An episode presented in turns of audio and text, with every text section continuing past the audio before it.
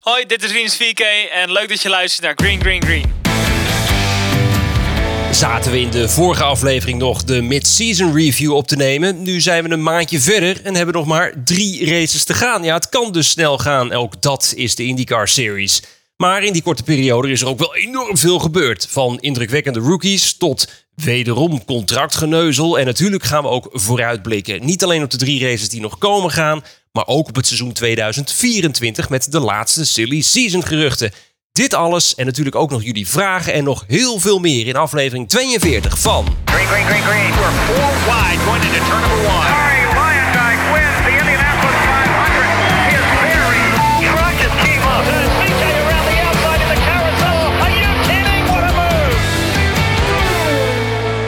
Dit is Green Green Green, de podcast. Met Jeroen Demmendaal, Henry Faun en René Hoogterp. Ja, welkom en leuk dat je weer luistert naar de IndyCar podcast van Nederland. Nog maar drie te gaan hè. Drie races in drie weekenden en dan is het alweer klaar met het seizoen 2023. Maar genoeg dus om over te praten. Dat doe ik gelukkig ook nu weer niet alleen. Naast mij, virtueel althans, eh, Jeroen Demmendaal. Eh, ja, Jeroen, eh, er schijnt ergens in eh, Zandvoort wat plaats te vinden komend weekend. Ben je weer in het Zandvoortse te vinden? Nee, nee, nee. nee. Ik, ik was bij de eerste editie in 2021. Weet je wel, toen we met z'n allen net uit die COVID-periode kwamen. En Zandvoort voor het eerst sinds 85 weer een Dutch Grand Prix had. Ehm, ja, en beter dan toen wordt het nooit meer wat mij betreft. Dus ik kijk dit weekend eh, lekker vanaf de bank. Ook goed, ook goed. En naast eh, Jeroen en naast mij virtueel de IndyCar statistieke fetischist Henry Faun. Harry, Nou, of ga jij er naartoe? ik, ik laat me nog verrassen door mezelf. Ik heb nog geen kaarten, maar ik overweeg het nog steeds. Oh, dus het kan nog last minute, kun je er altijd nog naartoe. Ik kijk vrijdag de, eh, de training, denk ik. En als ik dan kriebels krijg, dan eh, op het resale-platform zo wel iets te krijgen, Heel denk goed. Maandsalaris eh, uittrekken en dan gaan we weer. ik. Ja. Nou ja, hartstikke goed man. Nee, ben je blij dat het seizoen er bijna op zit? En dan heb ik het over IndyCar. Blij? Man, ik kijk naar een zwart gat van zes maanden. Voor mijn gevoel zijn we gewoon pas net echt lekker op gang en het is alweer klaar. Nee, ik ben niet heel erg blij, maar volgens mij hebben we nog heel veel om over te praten de komende weken en maanden. Dat eh, silly season eh, blijft silly. Absoluut. Nou, zoals gezegd, eh, we hebben heel veel dus om door te nemen. Sinds de laatste keer dat we hier zaten, hebben we niet minder dan vier races gehad. Natuurlijk, daar zat de doubleheader van Iowa tussen. Die verliep misschien zoals we dat hadden verwacht. Met twee dominante optredens van Joseph Newgarden. Gevolgd door de race in de straten van Nashville. Wat juist niet verliep zoals we dat hadden verwacht. Want na de hectiek en chaos van de afgelopen twee edities viel deze 2023-versie eigenlijk reuze mee. Het was gewoon een, een redelijk timide wedstrijd. Eh, en gevolgd door de altijd ontzettend spectaculaire tweede roadcourse op Indianapolis. Maar goed, gelukkig hadden we daar wel een geweldige winst voor Scott Dixon. Die daarmee zijn streak van 19 seizoenen op rij en overwinning te pakken. Toch weer heeft door eh, weten te zetten. Ja, eh, we hebben heel veel races gehad. En heel veel races die zijn al lang uit ons collectieve geheugen eh, verdwenen. Maar ik wil toch nog even pinpointen. Dixon. Wat een geweldenaar blijft. Ja. Kijk, het is wat mij betreft al een tijdje duidelijk. Maar ik denk dat het inmiddels toch gewoon wel buiten elke kijf staat. Hè. Kijk, het kan geen toeval zijn dat Scott Dixon zoiets doet. Vrijwel op hetzelfde moment dat het Amerikaanse congres hoorzittingen houdt over UFO-landingen in de VS. Kijk, ik denk dat het een prachtige dekmantel is hoor. Scott Dixon, hij komt uit Nieuw-Zeeland, daarom praat hij een beetje raar.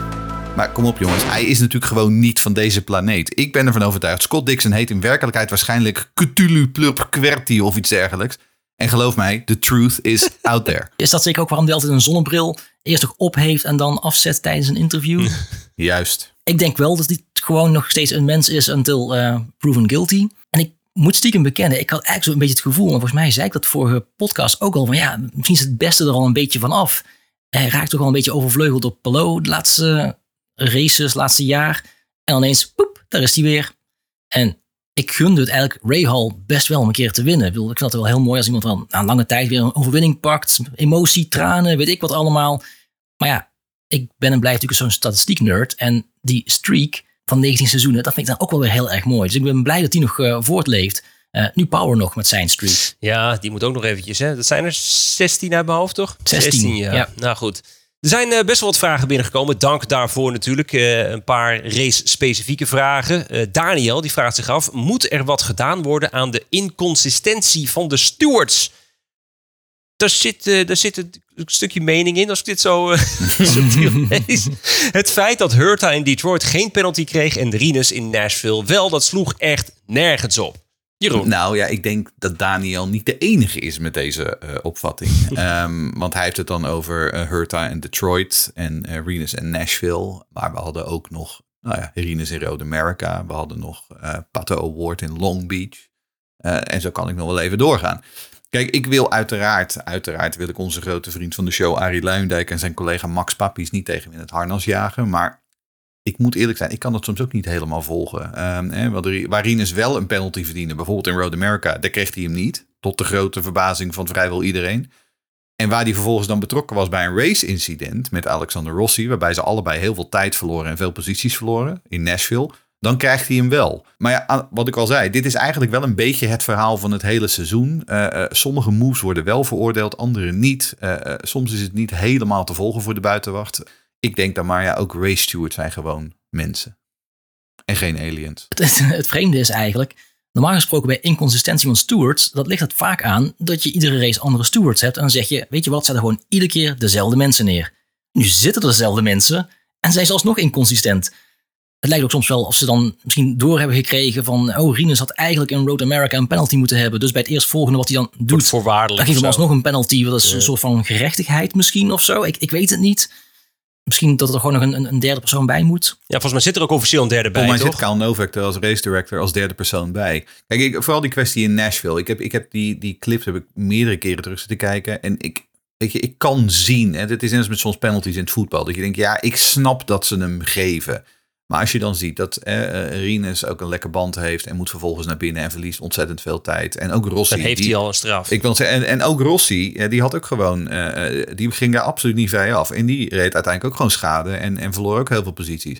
Dan denk ik van, volgens mij, en wat, dat is wat IndyCar normaal gesproken altijd heel goed doet, laat ze racen. Uh, en uiteindelijk, hè, als, je, als, je, als je een beetje dom, een beetje dom bent, zoals Maxima zou zeggen, um, en dan schaat je vooral je eigen neus en dan word je vanzelf gestraft. Dus ik, ik vond de, daar bovenop dan ook nog een, een drive-through penalty. Ik vond het, ik vond het erg um, stevig. Maar goed. Ja, het erge trouwens met Rossi was, je dacht van, oh, hij had ook schade door die aanrijding. Nee, Rossi was gefrustreerd door het incident, dat hij ging overdriven en toen heeft hij de muur geraakt. Dus de schade die hij had, was niet eens door Rinus, dat was gewoon door hemzelf. Dat heeft hij zelf toegegeven. Ja. Dus nog vreemder eigenlijk daar een straf voor komt.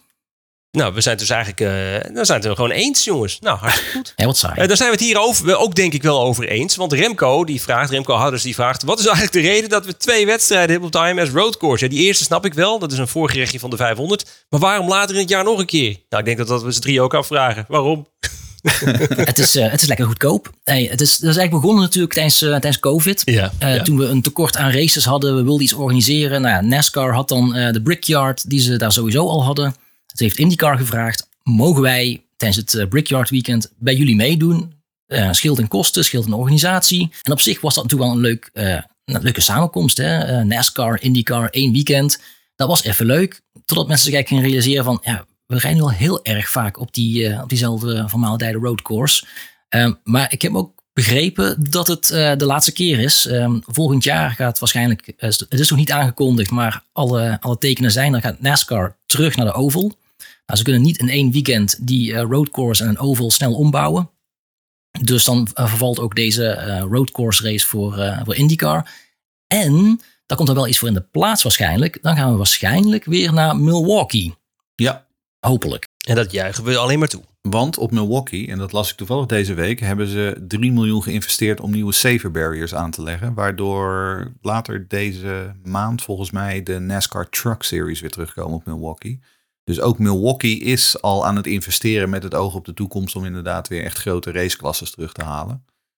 Dus uh, houd hoop, oval liefhebbers. Heer, heer. Yes. Tot slot dan nog even een vraag van Albert van Maurik. Uh, hij vraagt, moet er nog gesproken worden over de uitspraken van Ray Hall? Dan moet ik eventjes even graven wat hij nou daar precies mee bedoelt. Hij zegt, ja, het zijn beide formulewagens met vier wielen, maar verder is het compleet andere koek. Ja. Een stukje duiding alsjeblieft, Jeroen. Ja, ik gok dat dit gaat over Graham Rails uitspraken over DRS versus push to pass. Uh, in de persconferentie na de race op, uh, op IMS. Ehm, het grappige is namelijk, ik zat mee te luisteren in die virtuele persconferentie via Zoom. Ehm, en ik hoorde Rail dat zeggen. En toen dacht ik, eh, ja, Maar wat, wat zei hij dan? Inderdaad. Even, even voor de... Nou, wat hij zei was dat ehm, eh, hij noemde DRS eh, eh, F1 crap.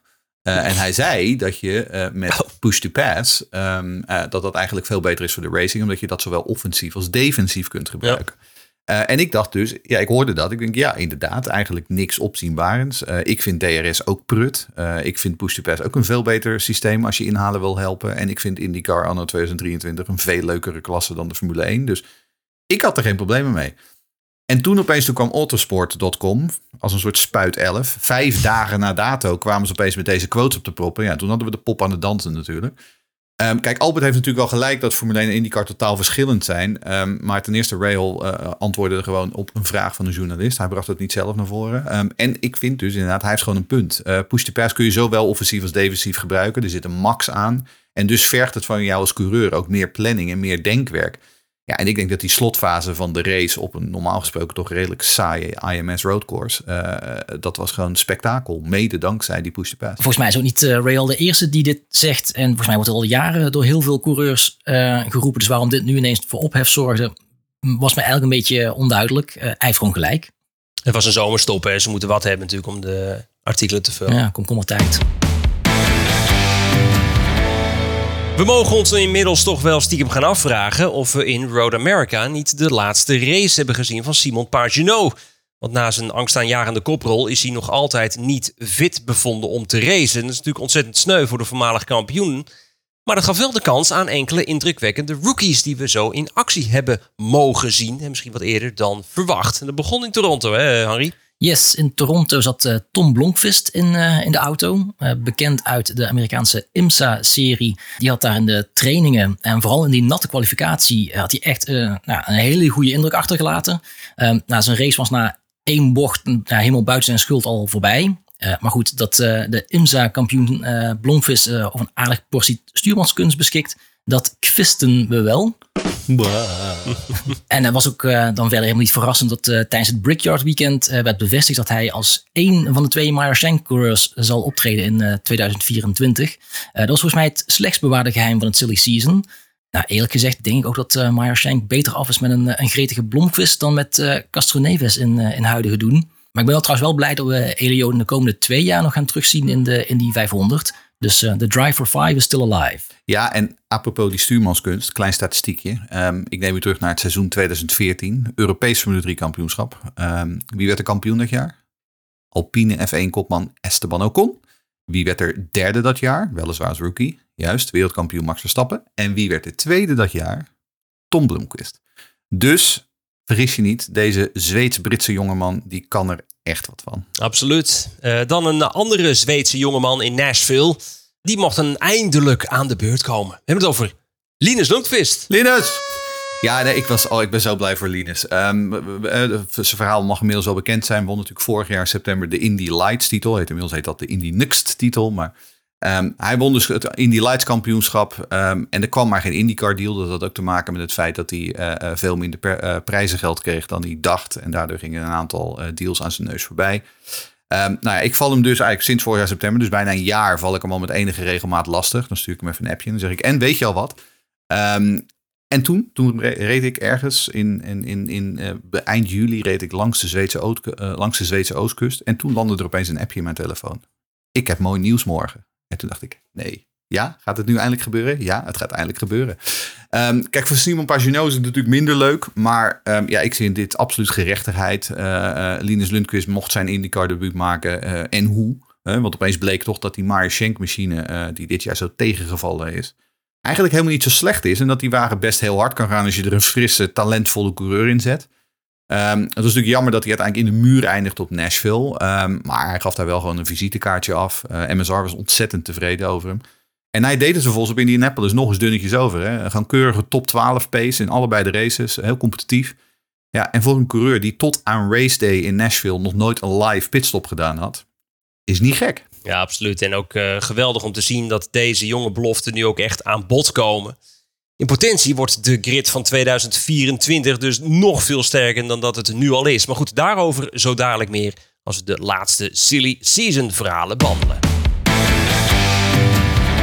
Eerst nog even naar dit jaar, want het jaar 2023 is het jaar van Alex Palou. Hij begon misschien wat flats, maar na de Indianapolis Road Course in mei is er gewoon geen maat op de Catalaan. In de tien races die daarop volgden hebben we vier overwinningen, zeven keer op het podium en een slechtste resultaat van een achtste positie. Dat zijn gewoon indrukwekkende getallen.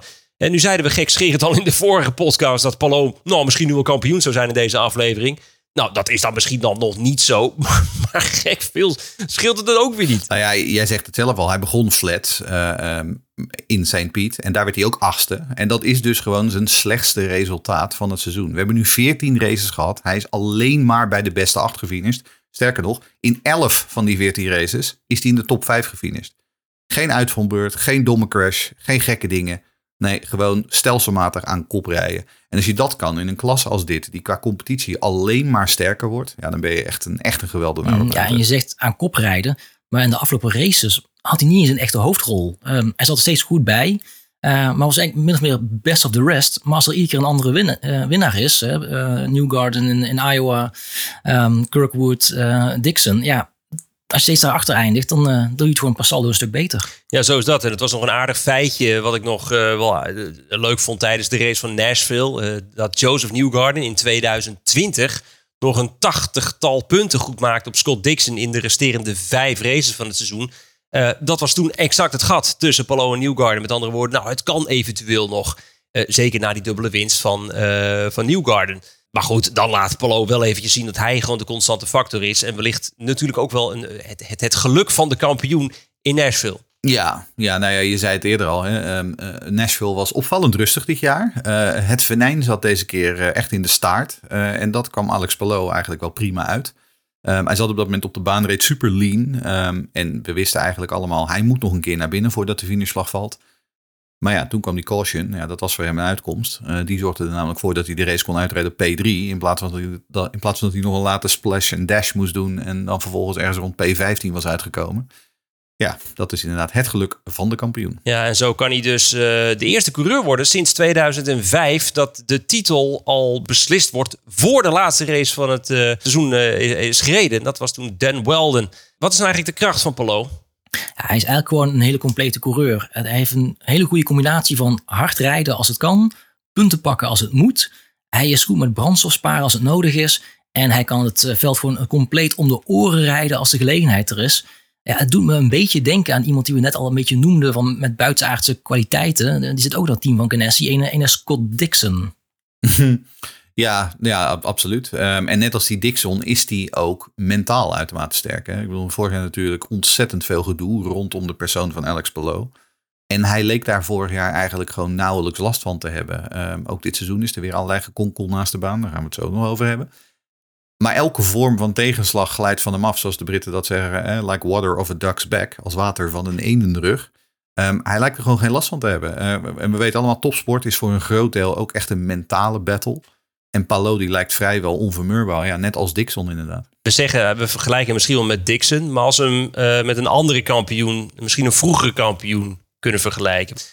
Wie komt er dan oppoppen? Nou, sowieso Alex Zanardi in zijn beste jaren. Zanardi bij Ganassi, Target Ganassi in 97, 98. Ehm, die deed dit ook. Ehm, die rond geloof ik op een gegeven moment ook vier of vijf wedstrijden op rij. Ehm, maar om eerlijk te zijn, ik heb ook eh, Al Unser Jr. en Michael Andretti in hun beste jaren. Dus dan hebben we het over 1990, 1991. Die waren in hun kampioensjaren, die waren ook gewoon echt ongenaakbaar. Ehm, en gewoon onverslaanbaar. En dat is Palou op dit moment ook. Dat is dan op de baan, maar als we dan kijken naast de baan, zijn er ook andere eh, voorbeelden bekend. Hè, dat het qua afspraken, transfers en dan toch weer niet gaan en wel gaan en gedoe daarmee. Zijn er nog andere die we daar, eh, waar hij het van geleerd heeft, potentie? Nou, nou ja, de eerste, de eerste die me dan te binnen schiet is natuurlijk Jean Alesi. Die ergens eind 1990 geloof ik bij drie verschillende Formule 1 teams een contract had getekend. Oh ja. Ehm, ja, jammer alleen dat hij vervolgens de verkeerde keus maakte. Ehm, maar goed, dat is weer voer voor een andere podcast. Hey, is dit niet de F1 referentiebel? Daar was hij al, ja. En, en voor de iets minder oude, min- eh, iets meer jongere mensen. Minder oud, goed ook zo. wel ervaren Ja. mensen. Jensen Button, eh, die ergens eh, begin, was het 2000, 2001 of zo, eh, zowel bij Williams als BAR onder contract stond. Dat was ook zo eentje. Dat brengt ons inderdaad op het, eh, ja, het gedoe rondom Alex Palou. Het is weer een enorme soap geworden. Eh, want dachten we vorig jaar dit al lang en breed behandeld te hebben, eh, komt het gewoon weer terug. Mocht je het gemist hebben, Palou wilde weg bij Ganassi, dacht naar McLaren te kunnen. Dat bleek toch van niet. Palou wilde toch nog wel. McLaren dacht Palou nu dan te kunnen hebben. Maar dat blijkt nu dan toch weer van niet, aangezien Palou nu zelf niet meer wil. Ja. Ehm, even bij elkaar wat we weten, wat we denken te weten en wat we weten te denken. Eh, Het zou dus zo zijn dat eh Ganassi ergens in de afgelopen weken en maanden een flink verbeterd aanbod heeft gedaan eh, aan Palou. En dat hij daar toch wel oren naar had. Nou, daar zal ongetwijfeld ook in meespelen dat de deuren naar Formule 1, zowel via McLaren als via andere wegen, eh Alfa Tauri, Williams, dat die dicht lijken te zijn. Ja, en dan kun je je afvragen, waarom zou je in vredesnaam op dit moment Ganassi voor Arrow McLaren verlaten? Ganassi wint aan de lopende band, eh, en McLaren staan nog steeds op nul. Dus dat dacht waarschijnlijk Palou ook en heeft toen, nou, zoals het lijkt in ieder geval, zelf de knoop doorgehakt om bij Ganassi te blijven. Want zijn managementgroep, die hem dus vorig jaar een beetje had ingefluisterd van, oh, je kunt wel makkelijk weg bij eh, Ganassi, eh, dat kan best. Nou, die had dus niet heel erg goed geadviseerd en daar heeft zich nu dus ook weer niks van aangetrokken, want die wist er helemaal niks van. En dus kregen we op de vrijdag eh, voor de race op IMS het bericht van Zack Brown. eh, dat die het team van McLaren had geïnformeerd dat Palou eh, niet langer wilde komen. Ondanks dat hij wel een contract zou hebben, wat eigenlijk niet kan. Dat ze hem al een voorschot hadden gegeven, wat heel raar is. En ook de investeringen die ze hadden gedaan als testcoureur voor Formule 1. Nou ja, ondanks al die zaken zou Palou dus niet komen. De dag erna reageerde management van Palou teleurgesteld dat ze de samenwerking hadden beëindigd en ze wensen hem heel veel eh, succes voor de toekomst en doei dag. Eh, en als klap op de vuurpijl gaf Chip Ganassi eh, zelf McLaren en Zack Brown nog een veeg uit de pan met een zeldzaam, zeldzame reactie op transferperikelen, want dat doet hij normaal nooit. Maar hij zei dat hij alle respect voor het, huidige management van McLaren wel verloren had. De enige die in alle talen, zij het Engels, Spaans, Catalaans, over al deze perikelen zwijgt, is Palou zelf. De babyface smiling assassin Alex Palou. Uiteraard hebben we natuurlijk ook voor jullie als luisteraar ook de nodige vragen ontvangen over de situatie eh, rond Palou. Want laten we heel eerlijk zijn, wie snapt het nog? Ehm, ten eerste Remco van Eldik, die wil weten hoe denken jullie over de keuze van Palou om te blijven bij Ganassi en Zack Brown die hem voor de rechter sleept? Is dit niet gewoon hetzelfde verhaal als wat Zack Brown deed met Oscar Piastri? Ja, er zijn absoluut overeenkomsten met de situatie rond Piastri. ehm, in die zin dat er vorig jaar. ehm, eh, in beide gevallen was er een coureur die koste wat kost weg wilde bij het team dat dacht hem vast te hebben gelegd. Bij Piastri was dat eh, ten opzichte van Alpine vorig jaar.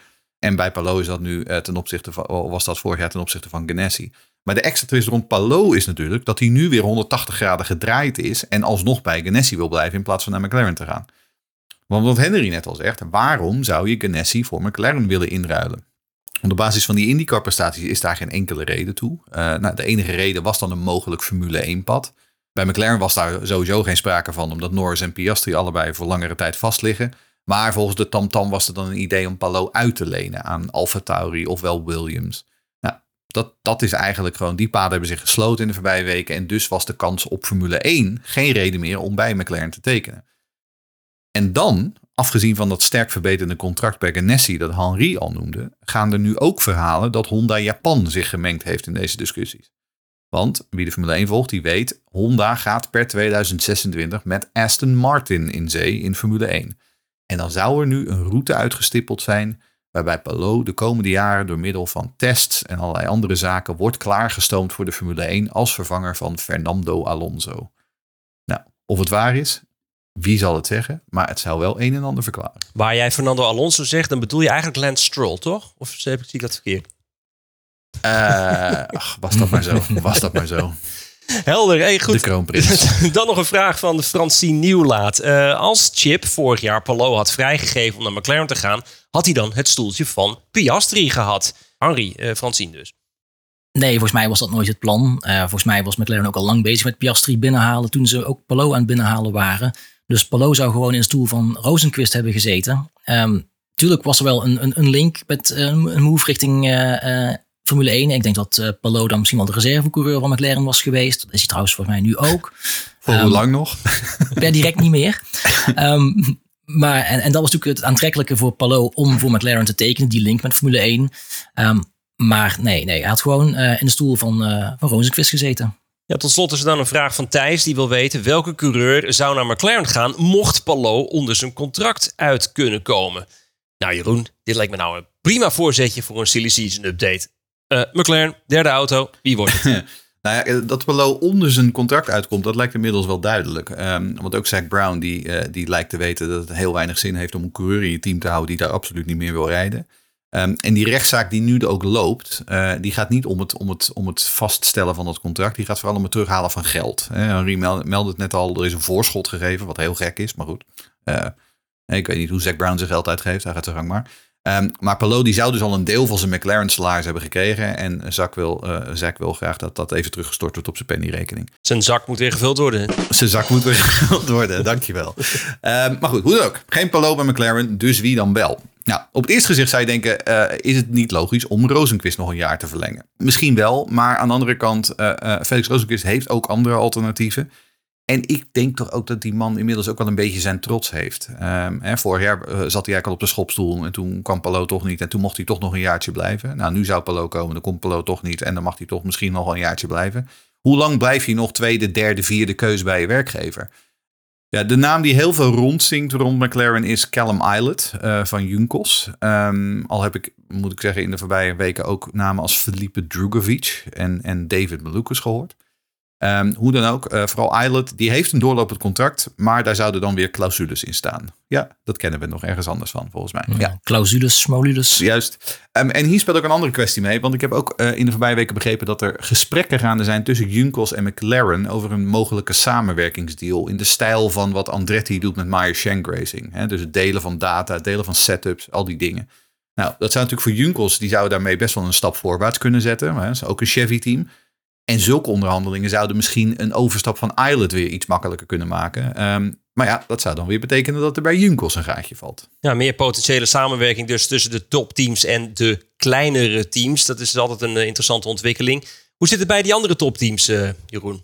Nou ja, we hebben het hier eerder gehad over het feit dat Ganassi toch wel een groot vraagteken was. Maar dat begint wel, ja, toch wel steeds meer vorm te krijgen. Ook door Palou-gate. Eh, kijk, Dixon die ligt vast. Nou, Palou blijft. Ehm, en toen kwam er opeens na eh, de race op IMS een bombshell van onze grote vriend Marshall Pruitt in zijn podcast. Want die vermeldde dat Ganassi Linus Lundqvist in het team wil hebben als vervanger van Marcus Eriksson. Ehm, zoals jullie weten, ik zit in Zweden, dus ik heb dat even nagevraagd. En inmiddels hoor ik dat ook uit andere hoeken. En ja, hoe mooi zou dat toch zijn? Hè? Eh, vorig jaar werd Linus eigenlijk gewoon genaaid door de Indie Next organisatie wat betreft zijn prijzengeld. En dan zou hij nu een stoel bij het beste team op de grid krijgen. Ja, ik teken ervoor. Wat ook opmerkelijk is, hij beantwoordt inmiddels mijn WhatsApp-berichten niet meer. En, en ik kies ervoor om dat als een goed teken te zien. Eh, je ziet dat vaker als coureurs in onderhandeling zijn en dan is zwijgen is even goud. En dan reageren ze even niet. Dus eh, ja, ik hoop gewoon dat Linus eh, die deal rond kan maken. En dan tot slot verwacht ik ook nog steeds dat Armstrong gewoon blijft. Want om heel eerlijk te zijn, die doet het als rookie prima dat jaar. Dus als mensen niet op jouw sms'jes reageren en je WhatsApp berichten, dat vind jij een ik goed zie dat als een goed teken. In ieder geval in deze context. ja. Oh, Nee, goed. Nee, maar dat klinkt eigenlijk best wel heel erg mooi. Hè? Eh, Dixon, Palou, samen met die twee jonge honden uit Zweden, Nieuw-Zeeland. Dat is een, eh, een flink sterk team. Dat, eh daar word ik een beetje, bang van zelfs. Ehm, maar Eriksson, die gaat dus bij Ganassi weg. Waar gaat hij heen? Nou ja, jij had het al over eh, slecht bewaarde geheimen uit het silly season. Hè, rond eh, Tom Blomqvist en Meyer Shank. Nou, ik heb er nog eentje voor je. Eh, want Marcus Eriksson die gaat natuurlijk gewoon naar Andretti Autosport. Dat zinkt al een tijdje rond, want daar krijgt hij wel de waardering. Daar is hij niet de derde man en wordt hij afgeserveerd met een zakcentje... wat, wat je bij de Albert Heijn nog, niet, nog niet eens krijgt. En je hebt steeds natuurlijk gewoon een stoel bij een topteam. Maar er is wel ander nieuws rond Andretti, of althans een sterk gerucht... Uh, want ik begrijp dat ze serieus overwegen om voor 2024 terug te gaan van vier naar drie auto's. Nou, en hoe zit dat dan? Um, kijk, we weten dat Di Francesco eruit gaat. Dat is geen nieuws. Hè, ik bedoel, het is best knap om zeg maar aan het begin van een IMS-race eerste te liggen en uiteindelijk als twintigste te finishen. is best een prestatie. En er was wel de ambitie om ook van die vierde auto een betaalde rit te maken. Dus geen coureur met een zak geld à Devlin, maar een sterke vierde coureur die een goed salaris vangt. Het probleem is alleen, er is vooralsnog geen geldschieter voor. Want Ericsson, uh, die wordt goed betaald. Die is echt niet veel goedkoper dan Grosjean. Uh, en ik hoor uit meerdere hoeken dat DHL, uh, de, de pakketjesfirma, dat die weggaan bij Andretti. En er is zelfs een gerucht dat DHL overstapt naar Ganassi voor die wagen van Lundqvist. Um, kortom, dat zou wel echt een shift zijn als Andretti van vier naar drie wagens gaat. Met Ericsson naast Hurta en Kirkwood. Is dat echt dan heel veel verschil? Ik bedoel, afzien van bocht 1 op IMS eh, rijdt de Francesco nou niet echt voor de prijzen en de knikkers mee. Het is meer eh, voor eh, eh, de bacon en de beans. De bacon en de Ik vond het zo mooi. Het mooie is, hij gaat wel de jaarclip halen natuurlijk. Met die ene actie. Dus ook de enige keer dat we Devin de Francesco gaan behandelen. Maar goed, Het was een geweldige move. Da- da- Daar, daar hoor, je me, hoor je me echt niet over. Maar vervolgens, als je dan ziet, zijn race pace is helemaal, helemaal. De jaarclip, dit, dit, dit ga je de komende jaren nog terug zien. Nou, iemand die we misschien niet de komende jaren gaan terugzien. Jack Harvey. Die is eruit bij Rail Letterman. Eindelijk, hè? Misschien wel. Eh, maar wie gaat dan die auto besturen dan volgend jaar? Ja, een hele goede vraag. eh, die ook door een aantal luisteraars, zoals bijvoorbeeld Dean, gesteld werd. Eh, nou, wat weten we inmiddels? Dat Daly die gaat in Gateway instappen. want Daly is oval specialist. En er gaat een heel sterk gerucht dat de Britse Indy Next coureur Toby Sowery het in Portland mag proberen. En dan in Laguna Seca gaat de oude Red Bull Junior en Formule 2 coureur Yuri Vips het proberen. Ehm, als ik heel eerlijk ben, denk ik dat geen van die drie echt kans maakt in 2024. Eh, mijn persoonlijke geld staat nog steeds op Felix Rozenquist. Ehm, kijk, eh, Rail Letterman is misschien geen McLaren, maar het is wel echt een verse start voor hem. Hè? Wat, ik, wat ik net al zei, bij McLaren wordt hij niet echt gewaardeerd. Ik denk dat ze hem bij RLL wel me- meer zullen waarderen. Ehm, en er is nog steeds genoeg perspectief. Hè? Zowel Lundgaard als Rail reden uitstekende tijden op IMS. Ja, Harvey dan niet, maar goed, die is dan ook eh, de deur uitgeze- uitgezet. Ja, en de groei bij RLL sinds die rampzalige meimaand, die is echt opmerkelijk natuurlijk. Het is echt heel knap wat ze daar gedaan hebben. Ehm, dus ja, sorry Etienne Peters. Jij vroeg naar eh, Connor Daly, maar die zien we volgend jaar waarschijnlijk niet terug, eh, tenzij die ergens een keer invalt. Ehm, en dan is er natuurlijk ook nog Maya Shank Racing. Henri, die meldde het al. IMSA-champ eh, Tom Blomqvist, die werd op IMS bevestigd. Ehm, eigenlijk bij hoge uitzondering. Hè, met al deze geruchten die we nu horen en waar we het nu over hebben. Ja, de echte bevestiging en alle officiële aankondigingen... die komen waarschijnlijk pas na het einde van het seizoen. Dus ik vermoed dat we vanaf half september... eh, dat het echt druk wordt met persberichten en persconferenties en dat soort zaken. Ehm, maar hoe dan ook, bij, bij Shank Racing gaat het roer om. Eh, Helio is fulltime af. Die gaat eh, nog wel verder in de 500, maar gaat verder als, als adviseur en deelteam-eigenaar. Heeft een aandeel in het team gekocht. Ehm Perginel komt ook niet terug, die, die kun je ook vast opschrijven. Eh, de- maar de grote vraag bij MSR is of ze met twee rookies gaan rijden. Of dat ze naast Blomqvist een ervaren coureur zetten. Eh, ook hier wordt bijvoorbeeld de naam van Felix Rozenkus weer genoemd. Maar eh, dat wordt nog even afwachten. Ik, ik weet nog, eh, in een eh, vorig leven deed ik ook de elektrische Formule E-klasse. Jeroen haakt af, zie ik. Maar goed, daar was Felix Rozenquist. Was daar, was daar echt best wel de, de, de grote man. Bij Mahindra We won hij dan ook best wel wat wedstrijden. Het, het valt me op dat hij... eh, dat hij eh, kijk, dat is gewoon een betaald stoeltje. En ik vraag me af... eh, ik, ik vind het wel opvallend dat hij bij IndyCar... eh, dat hij nog zo lang IndyCar probeert vast te houden. Het zal me niks, laat ik het anders zeggen. Het zal me niks verbazen als hij misschien toch weer teruggaat naar die, eh, naar die elektrische raceklasse. Ik weet dat hij een paar jaar terug heel dichtbij was om in die Extreme E, die, die elektrische rallywagens, Ja, maar laten we aan de slag te gaan. Dat, Ja, nee, dat ben ik met je eens. Maar ik bedoel, ik weet dat hij daar op een gegeven moment ook heel serieus mee bezig was. Dus zou ook nog kunnen hè, dat Rozenkus gewoon niet terugkomt. Maar er is voldoende interesse in zijn diensten. Ja. Dus ik bedoel, ehm, als hij gewoon in Amerika wil blijven, dan kan dat. Tot slot, eh, ja, de vraag die eh, waarschijnlijk iedereen die nu luistert, denkt, ja, hoor eens jongens, eh, hoe zit het nou met Ed Carpenter Racing? En dan natuurlijk over Ryan Hunter Ray. Vindt iedereen ontzettend interessant. Blijf Ryan. ja, daar moeten we het over hebben. Blijft hij? Ja. Oh ja, en Rinus, wat gaat hij doen? Eh, nou ja, we weten het. Hè. Renus heeft in principe doorlopend contract. Eh, niets is onmogelijk. Eh, jullie kennen het verhaal. Ehm, maar RHR is wel een interessante. Ehm, kijk, we kregen ook een vraag van Martin Spierings. Die zegt Ryan Hunter Ray, die zit nu al een paar wedstrijden in die auto. Ehm, had hij niet wat dichter op Rinus moeten zitten ondertussen? Want hij zei, ja, ik neem aan dat zijn setups misschien wel handig zijn voor Rinus. Maar verder lijkt hij nog maar weinig toe te voegen qua resultaten. Eh, nou ja, dat dus. Ehm, ik denk dat eh, RHR absoluut kwaliteiten heeft. Maar eh, ik heb me door, via de ECR tamtam ook wel een beetje laten vertellen... dat ook Ryan Hunter echt wel geschrokken is van wat er nog eh, aan werk verzet moet worden bij, eh, bij ECR. En om heel te zijn, ik vind RHR zelf ook niet helemaal top. Hij begon er aardig, maar vervolgens in Nashville, hij startte als laatste. Dat is, dat is hem nog nooit overkomen. Ja. En ja, Rinus laat hem eigenlijk alle hoeken van de baan zien. Op, op IMS reed hij hem geloof ik op bijna een minuut. Eh, op, op dat gekke korte baantje rondom IMS reed hij ruim een halve seconde per ronde. Reed hij sneller dan, eh, dan Hunter Ray. Dus ja, ik denk dat we de laatste weken vooral eigenlijk zien hoe goed Rinus eigenlijk is. ja, precies. Dus ja, kijk, wat ik hier al eerder uitgelegd heb. eh Rinus heeft in principe gewoon een contract voor 2024. Maar eh, elk contract heeft clausules. Niets is onmogelijk. Maar eh, ja, daar moeten nog wel wat dingen voor verschuiven. Mocht daar veranderingen Ik vind eigenlijk Ryan Hunter Ray, toen hij werd aangekondigd, toen dacht ik van oeh, nou, Ja, Rinus, ja, precies. maak je borst maar nat. Want eh ik bedoel, toch oud kampioen. eh, had heel veel pech bij Andretti, maar wel toch gewoon een degelijke coureur. En ja, het, is niet alsof die auto heel erg veel anders is dan twee jaar geleden. Ik bedoel, ze rijden met hetzelfde chassis. Tuurlijk, is de techniek bij eh, eh, ECR iets anders, andere dempers en dat soort zaken en andere setups. Maar in de basis zou die toch een stuk dichter bij Rinus moeten zijn. En dat, dat valt me echt, nou, nou, toch wel een beetje tegen. Of nou, misschien dus nog meer Ja. mee van Rinus. Wat hij nog uit die auto kan persen. Nou, dat. Kijk, wat, en wat natuurlijk ook zo is. Kijk, Ryan Hunter heeft jarenlang met een Honda gereden. En die rijdt nu voor het eerst met een Chevy. Ehm, en ik begrijp ook dat Ryan Hunter niet heel erg onder de indruk is van de Chevy vergeleken met de Honda. Ehm, dus dat zou ook nog aanpassingsproblemen kunnen zijn. Maar verder, ja, die auto is gewoon een handvol. Eh, eh, Marcus Eriksson, die reed, die reed op IMS een tijdje achter Rinus 4K. En die zei na afloop tegen hem en zegt, wat is er met die auto voor jou aan de hand, joh? De ene keer onderstuur, de volgende bocht overstuur. Dat ding gaat alle kanten op. Ja, en dat is dus inderdaad wel waar eh Rinus op dit moment mee moet doen. En dat maakt het nog knapper dat hij gewoon bijna top 10 rijdt op AMS. En eh, volgens mij was hij op eh, Nashville. reed hij natuurlijk ook, reed hij zich ook uitstekend naar voren. Hmm, staan we ook die, die cowboyhoed gewoon om die auto in gereel te houden. Ja, precies ja. Ik wil het zeggen. Het is eigenlijk een soort van bronco inderdaad. Hè? Die, die, Ja. ja. ja, precies ja. Nou ja, en eh, dan is dus de vraag wie komt er in die andere wagen? Want ik denk eerlijk gezegd niet dat Hunter Ray daar gaat blijven. Ehm, er zijn signalen dat ECR mogelijk het nieuwe thuis van David Malukas en eh, familiebedrijf HMD eh, wordt. Eh, de achtergrond daarbij is dat dan dat HMD, eh, team dat super succesvol is in, in die Next, die zijn nog steeds op zoek naar een geschikte partner om op termijn een soort HMD IndyCar team mee op poten te zetten. Eh, nou, dat hebben ze twee jaar geprobeerd met Dale Coyne, maar dat team is zo'n eh, ongebreidelde chaos eh, dat het HMD management inmiddels heeft besloten van we gaan eens even verder kijken. Maar ja, hoeveel teams zijn er waarbij je zo'n close partnership kunt afsluiten? Daar zijn er niet zo heel veel van. Ehm, en eigenlijk is ECR een van de weinigen nog over. Ehm, nou, voor ECR zou dat geen gekke stap zijn. al zal het wel dan een, weer een project van de lange adem worden. Maar ja, tegelijkertijd, wat ik eerder al zei, ik hoor me Lucas ook eh, eh, elders genoemd. Dus er zijn ook nog andere kapers op de kust. Ehm, dus zoals zo vaak met dit silly season, er is eigenlijk geen touw aan vast te.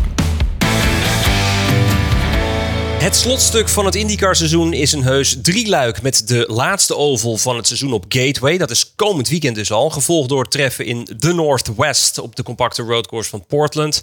En direct de week daar weer op eh, de seizoensafsluiter in het Californische Laguna Seca. En ja, aangezien we eigenlijk niet meer naar de titel hoeven te kijken, eh, waar kunnen we dan nog wel naar kijken, Henry? Nee, ja, de titel is eh, niet meer heel spannend. Ehm, het is niet meer de vraag of Palou kampioen wordt, maar of hem dat komend weekend al lukt of pas in Portland gaat gebeuren. Als eh Palou komend weekend acht punten uitloopt als nummer twee, is hij na Gateway al kampioen. Ehm, of andersom berekend, hij hoeft in de laatste drie races alleen nog maar eh, negende en tiende plaatsen te halen om kampioen te worden. En als je dan weet dat hij eh, dit seizoen pas twee keer achtste werd als slechtste prestatie, ja, dat, eh, daar hoeven we niet meer voor te doen. Ik bedoel, Plo is kampioen, klaar, geef hem de trofee. Waar kunnen we nog wel naar uitkijken? Nou, ik noemde net al die winning streaks. Bij Dixon is het dus gelukt om eh, 19 jaar op rij te winnen. Power is dus met die indrukwekkende rij van 16 jaar op rij overwinningen eh, bezig. Die wil hij ongetwijfeld ook wel volhouden. En laten we ook Hurta niet vergeten. Sinds zijn rookiejaar 2019 won hij elk jaar minimaal één race. Dat is ook al een aardige streak. En nou, ik, ben een, een statistiek nerd en ik ga dus echt wel heel erg duimen voor Power en Hurta. Eh, overigens Hurta, die op eh, Laguna Seca maar echt met een briljante kleurstelling gaat rijden. Namelijk eh, de kleurstelling waarin zijn vader eh, voor het eerst won eh, 25 jaar geleden op Laguna Seca. Dus nou ja, dat zou toch wel heel mooi zijn als dat samen zou komen. Wel echt het mysterie van het seizoen, hè, Colton Hurta. Ja, Ik snap er echt helemaal niks van wat daar gaande is. Ik wil zoveel snelheid, zoveel natuurlijke eh, talent, zeg maar. En hij heeft in voor, voorgaande jaren al zo vaak laten zien dat hij gewoon in principe, hij zou toch gewoon een keer kampioenschapskandidaat moeten zijn. En dat komt er maar niet uit. Maar hebben we dit niet vorig jaar ook gezegd? ja. En misschien het jaar daarvoor ook al. Ja, Ja, nee, maar het, het, het, het komt nu wel langzamerhand terug. Dat je denkt, hé, hey, maar... Het wordt wel een Hè? patroon. Ja. Mm. Ja. Het verbaast me nog ergens. eh, tot de overwinning van eh, Kirkwood in eh, Nashville stond Hurta wel nog als beste van de Andretti's. Ondanks dat hij dus nog geen race had gewonnen. Maar nee, ja, het- hij is echt. eh, het, het is ver te zoeken. Mm. En ik weet niet waar naartoe is gegaan. Het is ook een team wat eigenlijk ook alleen op stratencircuits echt heel snel is. Hè? Eh, ik bedoel, Kirkwood heeft natuurlijk twee stratencircuits gewonnen. En, en, en, maar ik bedoel, verder, het het is toch ook wel heel veel middenmaat nog steeds bij Andretti. Eh Kirkwood had dan een goede in die 500, maar dat, hij was eigenlijk de enige van de Andretti's. Het, het is, Hm. Misschien is het wel goed als ze naar eh, drie auto's teruggaan. Want dat zag je bij Penske ook heel erg goed werken toen ze terug naar drie gingen. ja, ja, goed punt. Ja. Maar als we even de aandacht verplaatsen van de kop van het veld naar de staart, ehm, dan heb je daar ook nog een flinke strijd die gaande is. Want waar eigenlijk relatief weinig aandacht voor is, is dat aan het einde van het seizoen wordt ook prijzengeld verdeeld op basis van de eindklassering. Eh, dat heet de Leaders Circle. Eh, IndyCar zelf communiceert daar bijna niet over. het zou gaan om een bedrag van iets van 910.000 euro, eh, dollar. 910.000 dollar. Dat is iets omlaag gebracht ten opzichte van andere jaren, maar nog steeds nou, een heel aardig, eh, aardig bedrag waar je je budget eh, goed mee kunt spekken. Probeer maar eens een sponsor binnen te halen voor 910.000. Maar dat geld krijgt niet iedereen. Het wordt alleen eh, toegekend aan de inschrijvingen in de top 22. Ja, dat moet je even uitleggen. Inschrijvingen? Ja, want eh IndyCar werkt dus met inschrijvingen met startnummers. Eh, dus dan hebben we het over de nummer 20, de nummer 21. En zo- de nummer 20 is zo'n voorbeeld. Eh, dat is de inschrijving van Ed Carpenter Racing, waarin Daly en Hunter Ray hebben gereden. En de punten die startnummer 20 heeft verzameld, die telt mee voor dat klassement van de inschrijvingen. Zoiets geldt bijvoorbeeld ook voor de nummer 60 van Meyer Shank Racing. Dan tellen ze de punten van Pagenaud en van Daly in die auto. En van eh, Lundqvist in die auto tellen ze bij elkaar op. En dat is dan eh, de entry. Doe, doe de uitzondering ook nog even, want dat is ook heel duidelijk. Ja, nee, tuurlijk. Want er is een uitzondering. De nummer 11 van Ganassi, dus is de auto eh, van Armstrong en Sato, die doet niet mee. Omdat het prijzengeld is voor maximaal drie auto's per team. Nou, natuurlijk snap je wel. Ja. Maar, ja, behalve voor Andretti, want die reden al historisch met vier auto's. Dus dan heet dat, dat zijn grandfathered in, heet het dan in, het, eh, in goed eh, Nederlands. Dus omdat zij al lang met vier auto's rijden, hebben zij wel recht op prijzengeld voor vier auto's. Ja, nee, is duidelijk. Het is dus een heel eenvoudig systeem over puntenverdeling en, eh, eh, en prijzengeld. Dus ja, je snapt wel waarom IndyCar niet over communiceert. Maar als we dan toch gaan kijken van hoe ziet het nu in de staart van het veld uit? Ja, vertel. Dan heb je op plek 21 in het klassement staat Ryan Hunter Ray plus Daly met die nummer 20 dus met 154 punten. Eh, drie punten daarachter staat Canapino. Eh, de nummer 60 van Meyer Shank Racing, eh, waar dus komend weekend weer Lundqvist aan de start staat op Gateway, die staat weer drie punten achter Canapino. De nummer 30 van Ray Hall Letterman Lanigan, dus komend weekend met Daly, die heeft twee punten minder dan de Shank. En tenslotte op nummer 25 staat Devlin de Francesco. Natuurlijk beschamend, maar goed. De Francesco met de Andretti staat één punt achter eh, de nummer 30 van Rail Letterman Lanigan. Wat, wat natuurlijk wel zou kunnen, is dat Devlin Di Francesco denkt, omdat hij met 29 rijdt, dat hij 29ste moet worden. Dat zou, Hij heeft, hij, heeft, hij heeft misschien gewoon de spelregels niet goed begrepen. Dat zou kunnen. Dat zou kunnen. Daarom die zich terugzag en dacht van, oh, ik heb een mega start gemaakt. Ik kan deze race winnen. Maar, ja, nee. Dat moeten we niet hebben. Dat denk ik. Nee, maar wat je dus gewoon ziet is dat rond die 22, 23 plek staan dus gewoon vijf coureurs binnen 10 punten. Dus daar gaat het echt nog wel om de knikkers. Alle teams kunnen die centjes heel goed gebruiken. Ja.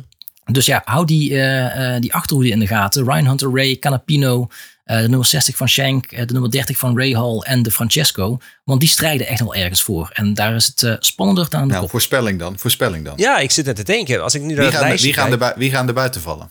Nou ja, eh, Devlin, dat is duidelijk. Ja, Devlin lijkt mij ook. Dat is makkelijk. Dat denk ik ook. Eh, Maar ik, ik, denk, dat ook Lund- Ryan. Ik denk dat als ze, ja, en ik denk dat als ze Lundqvist in die, in die wagen houden van, eh, van Schenk, dat die ook nog wel bij elkaar rijdt.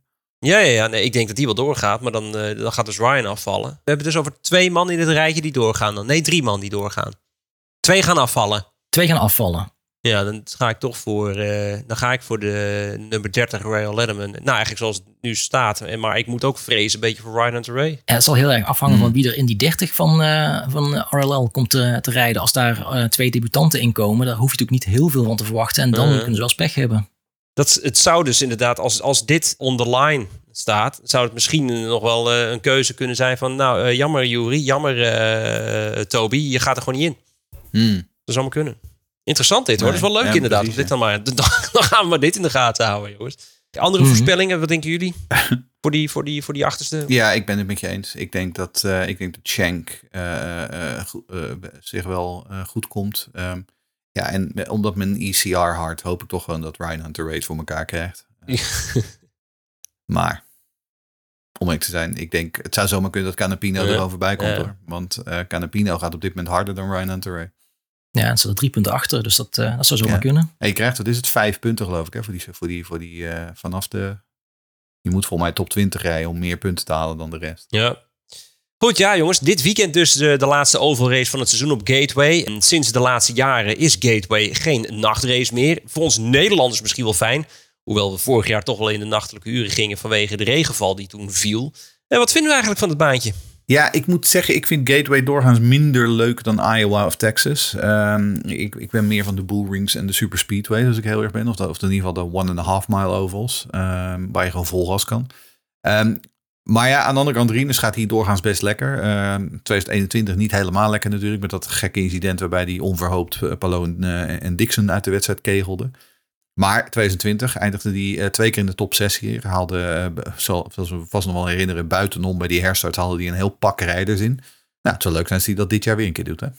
Zeker. Ehm, ik zou hem trouwens wel liever weer als een avond- of nachtrace zien. Ik vind het toch wel, eh, zeker met dat vuurwerk was aan het begin van de race meestal hebben, het eh, levert toch wel eh, spectaculaire plaatjes op. En ik mis ook wel een nachtrace bij IndyCar. Het, ehm, ja, ik krijg veel te veel slaap tegenwoordig. Ja, nou, daar moet je maar niet eh, te veel aan wennen, denk ik, Henri. Maar dat is een ander verhaal. Nee. ja. Hey, en interessant, de herintroductie, want dat moet ik wel zeggen, de herintroductie van een alternate bandencompound op een oval. We waren het eigenlijk met z'n allen bijna vergeten. Van, oh verrek, ja, dat hebben ze ooit gezegd dat we dat gingen doen. Wat kunnen we verwachten ervan? ja, nou, dat is een goede vraag. Het wordt in ieder geval heel interessant. Ehm, volgens mij weet niemand. Voor de duidelijkheid, er gaat, er gaat dus een zachte band gaat komen. Dat is dus wat we normaal de zachte en de harde band hebben eh, op, op, op de road courses. Dan gaan we dat dus nu ook op de oval krijgen. Ja. Ja, en volgens mij weet eigenlijk niemand wat we daar echt van kunnen verwachten. Ehm, en in hoeverre bijvoorbeeld de strategie gaat beïnvloeden. Eh, hoe lang gaan, zo, gaan die Reds het volhouden? Het is dus overdag. Ehm, dus het kan ook weer loeiheet zijn, waardoor die, eh, de zachte band ineens ja, maar drie rondjes volhoudt. Ehm, wordt het zoiets als Iowa in het kwadraat, dat je zachte banden rondom monteert en ineens iedereen om de oren rijdt, maar dan na, eh, na, twee of drie rondjes dat het eh, klaar is? Het zou zomaar kunnen. Ehm, het kan natuurlijk ook dat eh, iedereen zegt collectief van ja, die Reds, die willen we gewoon helemaal niet. Die doen we gewoon snel tussen twee cautions door en het wordt gewoon een black race.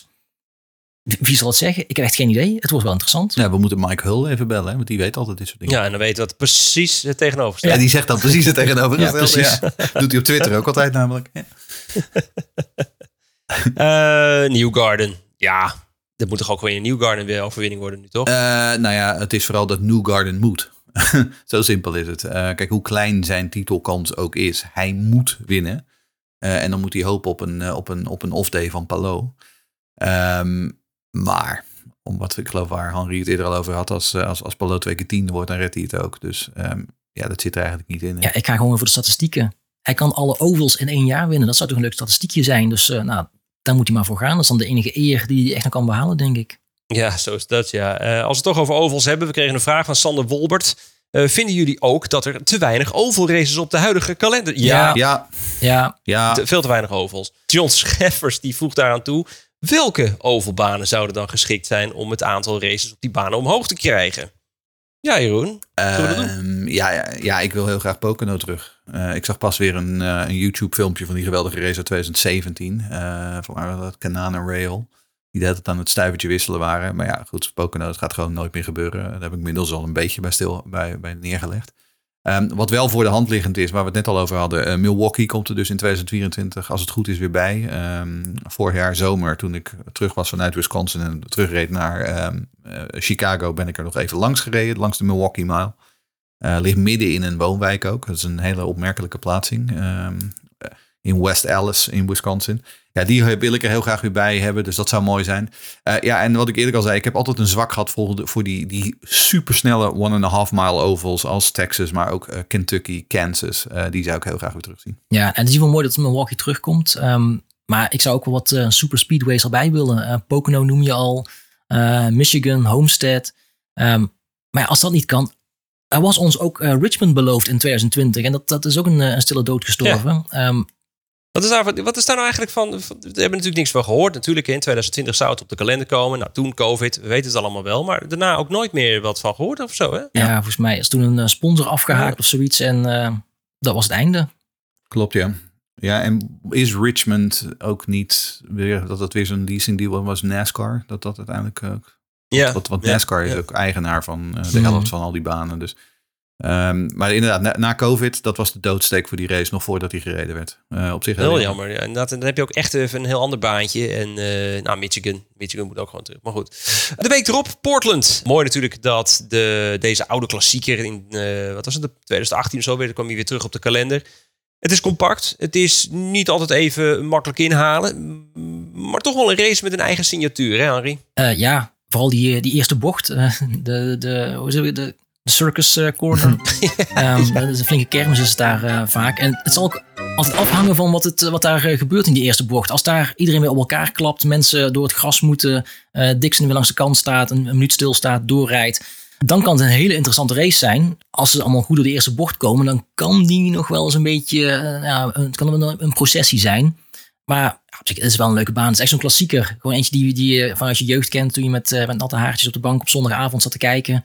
Eh, toen moet je ja, thuiskomen. Ja, je bedoelt overigens de Festival Corner, zoals die heet. Festival, Ja, ja, precies. Festival, circus. Maar om wel terug te komen op de vraag van eh, eh, Albert, Albert eerder. eh, Portland zou echt een prima DRS-circuit zijn met die twee hele lange rechte stukken.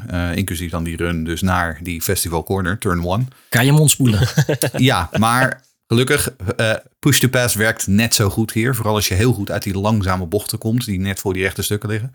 En niet vergeten, dit jaar is de race op Portland officieel de Bitnile Grand Prix.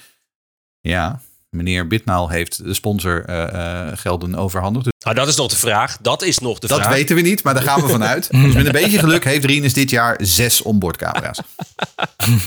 En die race van vorig jaar werd gewonnen door Scott McLaughlin. eh, die toen nog daarmee de hoop had op de titel in Laguna Seca. Nou, dat is wel behoorlijk anders. Grote kans dat we in Portland al een kampioen hebben.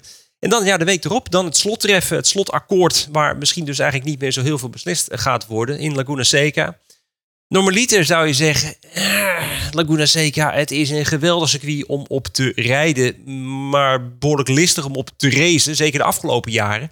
Maar ook daar is een zogenoemde repave geweest. Ja, klopt. Eh, want we zagen dat eerder dit seizoen natuurlijk al in Road America. eh, en ook Laguna Seca heeft voor het eerst in god weet hoe lang nieuw asfalt gekregen. Plus extra curbstones, extra uitlopen in een aantal bochten. Eh, nou, traditioneel was Laguna door dat oude asfalt dus echt een ultra-low grip circuit. Waar bijvoorbeeld onze vrienden van Ed Carpenter Racing de nodige moeite mee hadden. Ehm, maar eh Palou en Rosenquist die zijn hier eerder deze zomer al geweest om nieuwe banden te testen in opdracht van Firestone. Eh, en die waren meteen drie seconden sneller dan de poltijd van vorig jaar. Ehm, dus ga ervan uit dat het flink harder zal gaan. Ehm, ja, en apropos eh Ed Carpenter Racing en Rines. We zagen natuurlijk op Road America al dat ze beter mee konden komen dan in voorgaande jaren. Ehm, dus ja, nu ook Laguna eigenlijk een compleet ander circuit geworden is, liggen daar potentieel wel mogelijkheden voor ECR, denk ik. Aan de andere kant, ze hebben net als vorig jaar niet getest op Laguna. Dus het wordt wel een beetje afwachten in hoeverre die nieuwe asfaltlaag dan ook echt een voordeel is. Ja, en het is ook een beetje de laatste kans ook voor Rinus. Hè? Natuurlijk, we zitten in die slotfase van het, eh, van het eh, kampioenschap. We hebben natuurlijk Gateway. eh, dat, nou, dat, een soort hit, hit or miss is het bij, bij het Carpenter Racing. Wat moet er gebeuren, Henri, om nog wat van zijn seizoen te maken? Rinus dus. Ja, het zou toch wel fijn zijn als ik gewoon met een top 10 eh, kan finishen. Misschien wel iets beter. Ik was in 2019 op Laguna Seca. toen uh, Rinus daar nog in die lights reed. En dit gewoon het, het hele veld de snot voor de ogen reed. Clean sweep, twee pole positions, twee eh, overwinningen, twee eh, snelste ronden. Eh, hij kon toen helaas geen kampioen meer worden uiteindelijk. Dat werd toen Oliver Askew. Herinneren zich deze nog. Ehm, dus hij kan het daar wel. Ehm, dus ja, hopen. Ehm, overigens, ze hebben het niet getest, maar op de donderdag voor de race is er een collectieve test waar iedereen gaat testen op Laguna Seca. Dus daar kunnen ze wat ervaring opdoen. Maar ja, goed, iedereen kan de ervaring dan opdoen. Dus dan krijg je dat alles weer in dezelfde volgorde gaat rijden. Ehm, ja, we gaan het zien. Eh, ik ben heel benieuwd hoe het gaat zijn in Laguna Seca. Wat ik heel erg vind trouwens, ze hebben dus een repave. Prima, moet je één keer in zoveel jaren een keer doen. Eén keer in zoveel decennia. Maar ze hebben dus ook van die asfalt uitloopstroken gemaakt. Wa- Waarom, waarom zou je dat willen doen? Ja, gods Nou, geklaagd. de, de, officiële, de officiële verklaring is dat het eh, daardoor ook beter ehm, eh, irrigatie, hè, of hoe heet het, eh, afloop hebt met van water. Af, waterafvoer. Dat schijnt de officiële Ja. verklaring te zijn. Maar ja, ja, ongetwijfeld. ik, ben, eh, ik ben er ook niet eh, blij mee, nee. Goed, nog een paar eh, laatste vragen van onze luisteraars. Eh, Erik van Rossum die, eh, heeft een vraag ingestuurd. Wat als we meer dan één Nederlandse coureur in de IndyCar hebben... en de Formule 1 over twee jaar niet ieder jaar op Zandvoort gaat rijden? Ja, ik zie waar hij naartoe wil. Ja, ja, ja. Naar Zandvoort. Stel dat er dan een promotor is die de IndyCar naar Zandvoort zou willen halen. Zou dat overwogen worden? Is Zandvoort er geschikt voor? En wat kost zo'n tripje? Ja, heel Dat veel vragen trouwens. Maar Ja. laten we eens proberen. Ehm, Jeroen. Nou ja, kijk, wat zo'n tripje kost, dat weet ik niet precies. Maar ehm, waar we het wel over eens kunnen zijn, goedkoop zal het niet zijn. Ehm, kijk, je ziet nu al de discussies rond eh, de mogelijkheid van een race in Argentinië. Eh, dat wordt naar alle waarschijnlijk een exhibition race. Eh, omdat het dan voor de teams die het allemaal te duur vinden, die kunnen dan met een gerust hart thuis blijven, omdat ze geen punten voor het kampioenschap verspelen. Ehm, maar op zich, ja, ik vind, ik vind het, het idee van Erik best wel interessant. Ik heb zelf wel eens gedacht, zou, hè, omdat we zoveel Europeanen in de series hebben, zou op termijn een Europese run mogelijk zijn. Hè? We hebben Britten, we hebben Zweden, we hebben dan nou, in ieder geval één Nederlander. Dus dat je dan hè, een, een overzeese trip doet van drie weken met een race op Zandvoort, een race op eh Brands Hatch en dan een race op Anderstorp in Zweden. Kijk, ik zou dat prachtig vinden. Ehm, maar ja, je zegt het zelf al, eh, daar heb je dus een promotor voor nodig. En je hebt echt een pak sponsors nodig die daarvoor gaan betalen om dat allemaal een realiteit te maken. De vraag werd gesteld door Erik van Rossum. Hè? Van Rossum, Jean-Pierre Eh, van Rossum. interesse in autosport, eh, een zak met geld. Wil Erik misschien zelf iets eh Jij denkt dat investeren? Erik de, de erfgenaam van Onyx Money Trot is? Of, eh, Nee, ja, het, eh, dat zal een, een zak geld voor nodig zijn. En het is ook een, een, eh, een lastig timing dingetje. Want eh, IndyCar wil heel graag in de zomer in eh, Amerika blijven. Eh, want dan hebben ze daar goed weer. Maar dan hebben wij hier ook goed weer. Aan het begin van het seizoen zou de beste mogelijkheid zijn. Zo februari, maart. Maar ja, februari, maart in Zandvoort gaan rijden. Is waarschijnlijk niet het beste idee. in, Zwe in Zweden ook niet hoor, februari. Nou, eh, sneeuwkettingen rond. Sneeuwrace. Ja. Ik zou het echt heel mooi vinden. En ik zou het heel graag denken dat Zandvoort echt een perfect circuit zou zijn voor IndyCar. Ja. Ja. Ehm, maar ik zie het helaas gewoon niet gebeuren. Net zoals die, eh, want daar begon Erik eh, mee met de vraag: wat als we meer dan één Nederlands coureur in de IndyCar hebben? Wat is realistischer nu? Zandvoort of een tweede Nederlandse Ja, IndyCar? ik zou coureur? zeggen, twee Nederlandse IndyCar-coureur. Ehm, al moet ik zeggen, het Nick de Vries verhaal, dat is de laatste tijd wel erg stil. Ehm, weet je, ik, ik, ik zie iemand als Richard Verschoor, die inmiddels geloof ik al 33 jaar in de Formule 2 rijdt. En die waarschijnlijk gewoon de Formule 1 niet gaat halen. Ik, ik denk dat Richard Verschoor een hele mooie zou zijn voor de, voor de IndyCar. Maar ja, dan moet Ja. hij het ook zelf willen natuurlijk. Ja, Ben Fiscaal zou ook wel eh IndyCar interessant te, te vinden. En Fiscaal heeft in het verleden naar Indy, Indy Lights gekeken, dat weet ik ook. Dus ik denk dat dat inderdaad wel eh, meer voor de hand ligt. Een tweede Nederlandse Formule 1 eh, of IndyCar coureur dan eh, inderdaad die, die race van Henry want, op Zandvoort. Want daar heeft Henry gewoon gelijk in. Ik denk dat het heel moeilijk gaat worden. Nou, dan gaan we nog meer verder in de toekomst kijken met de vraag van Jeroen van Sloten. Hoe kijken jullie aan tegen de komst van de hybrid motoren? Jawel, want die gaan we natuurlijk volgend jaar krijgen. Dan toch. Krijgen we daardoor minder cautions, omdat de coureurs de motoren zelf kunnen starten. Ja, Harry. Dat is een van de voordelen. Dus eh, als het goed is, zouden, de coureurs nu zelf een motor kunnen starten. En hoeven ze niet meer eh, te rekenen op de AMR Safety Crew. Ehm, al vraag ik me af of het nou echt heel veel cautions tijdens de race zal besparen. Want meestal als een paar auto's stilstaan, dan is er meer aan de hand dan alleen maar een afgeslagen motor. Ehm, het kan misschien de cautions verkorten. En dat is ook wel broodnodig trouwens. Eh, want iedere keer acht ronden, omdat er een auto aan de kant staat, is wat overdreven. Ehm, maar wat vooral interessant gaat zijn voor die hybride systemen, is dat het ook de strategieën kan gaan beïnvloeden. Eh, wanneer gebruik je die elektrische kracht? Doe je dat bij het accelereren om, om een stukje turbo lag, eh, wat er, in, in kleine mate is, te compenseren? Eh, gebruik je het aanvallend, verdedigend? Het hybride, of het, elektrische kracht komt dus in plaats van de push-to-pass. Ehm, dus je, kunt, je moet dus tijdens het rijden energie opwekken om die weer te gebruiken om aan te vallen of te verdedigen. Nou, dat gaat echt wel gevolgen hebben, ook voor strategie en, eh en pitstopstrategieën. Ehm, en dat is nog de vraag van hoe gaat het op ovals werken, want daar rem je eigenlijk helemaal niet. Eh, kortom, heel veel vragen. Eén ding weten we wel zeker, eh, de power units van Honda en Chevy, die werken. Afgelopen week hebben Power en Dixon ermee getest. Nou, als je een power unit test, dan doe je dat met Power natuurlijk. en alles leek heel goed te gaan op Sebring. Ehm, en dat is best mooi, want ik kijk wel uit naar een beetje vernieuwing in IndyCar. Want eh, sinds het aeroscreen is het eigenlijk nou, een beetje stilstand. Dus eh, iets nieuws is wel leuk. En over vernieuwing gesproken. eh, Ramon Kok vraagt: de discussie rond een nieuw chassis is niet heel relevant. Ehm, want ja, die komt er voorlopig niet. Maar wat zouden jullie graag zien als jullie het voor het zeggen hadden met betrekking tot een nieuw chassis? Eh, aandrijvingslijn, et cetera. Ja, ik vond het een leuke vraag. Ik heb eigenlijk, ik heb, ik, eigenlijk zie ik hem nu staan. Ik, oh ja, verrek, daar had ik misschien over moeten nadenken. Maar ik vind, wat ik, ik, eh, ik vind het, eh, het feit dat er. We rijden nu al tien jaar met hetzelfde chassis. We hebben het laatst in IndyCar 101 eh, over gehad, eh, over gehad. Of ruim tien jaar trouwens. Eh, elf jaar rijden we er al mee. Ik zou het mooi vinden. Ik vind het aeroscreen vind ik een geweldige ontwikkeling. Ik zou het mooi vinden als er een chassis komt waarin het aeroscreen ook echt goed geïntegreerd is. Nu heb je echt, sinds 2018 heb je die UAK. Hartstikke mooi, maar dan hebben ze gewoon een scherm opgepopnageld. En dan moet je maar hopen dat het, eh, dat het een beetje oké is. En het is meer dan oké trouwens. Maar het, het zou wel lekker zijn als ze daar wat ontwikkelingen in hebben. Ja, en dat motorgeluid, dat is dus ook 11 jaar hetzelfde. Ik, ja, ik ben dan eens soms een oude lul. Ik vind dan eind jaren 90 dat het gejank van die motoren, dat heb je nu gewoon niet. Omdat die toeren veel lager zijn. Het is, eh, ja, dus en we hebben nu toch, eh, we rijden nu toch met duurzame brandstof. Dus dan maakt het toch ook weer niet zo heel veel uit of, het, of je dan iets meer verbruikt, ja of nee. Dus gooi die turbo's eraf. Of juist een andere turbo erop. Maar in ieder geval niet die twin turbo's die we nu hebben. Dan maken gewoon een enkele turbo van. En eh, dat je in ieder geval iets meer, iets meer eh, motorgeluid uh, terugkrijgt. terugkrijgt. Het is wel goed, voor, wel goed voor Iowa, zeg maar. Dan kunnen ze weer meer corn voor die, voor die fuel ja, ja, verbouwen. Ja. motorgeluid. Kijk, sowieso motorgeluid vind ik heel belangrijk. Dat is ook een van de dingen waar, die, wat in de Formule 1 nog steeds heel erg tegen staat. Ze klinken op dit moment als opgevoerde naaimachines. Wat dat betreft klinken... hey, is dit niet de F1 referentiebel? Wat dat betreft klinken de IndyCars toch gewoon beter. Uh, maar ik ben het met je eens. Um, sowieso, kijk, wat, wat je natuurlijk ook krijgt met dat nieuwe hybride systeem... is dat we meer vermogen krijgen. Dat, dat vind ik ook een, een fijn iets.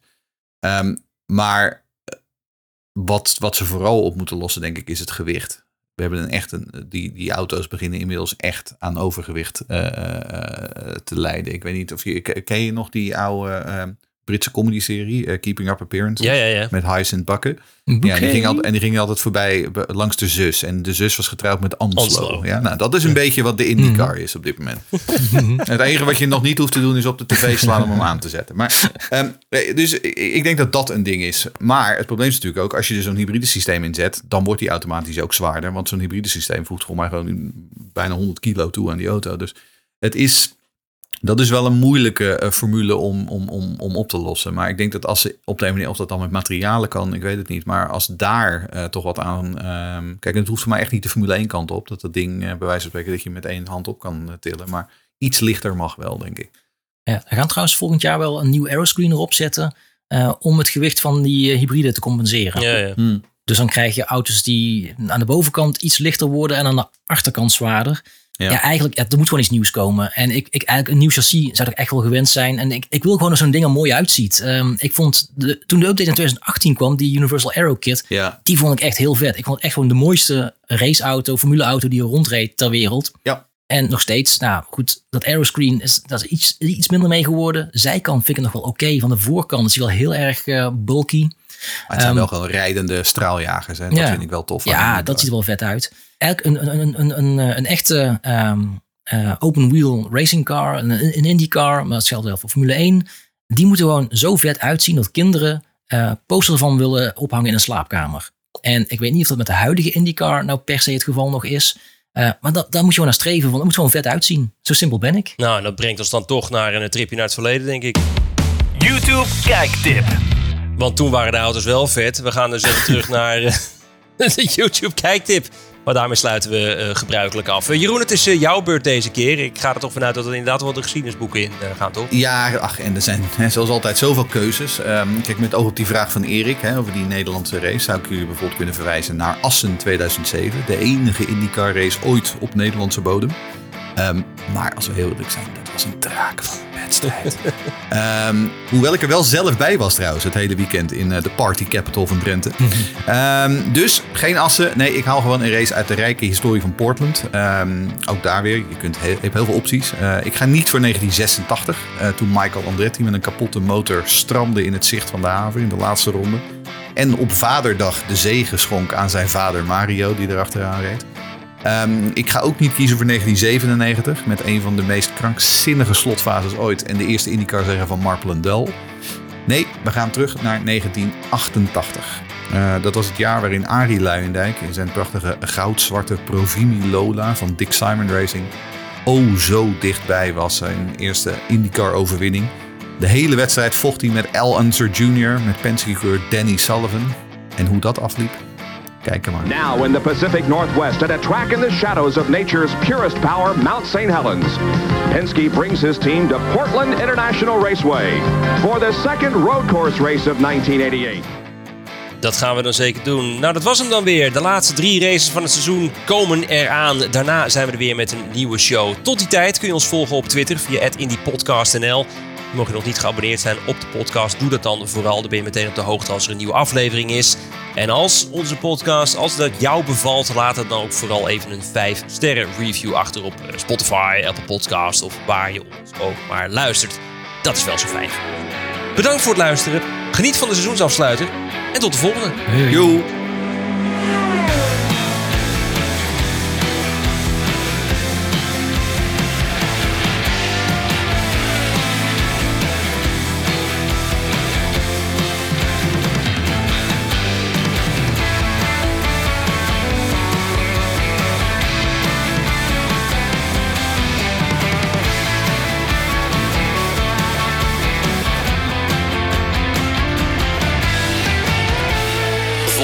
laatste IndyCar nieuws van Green Green Green op Twitter via @indypodcastnl en abonneer je op Green Green Green via je favoriete podcastplatform.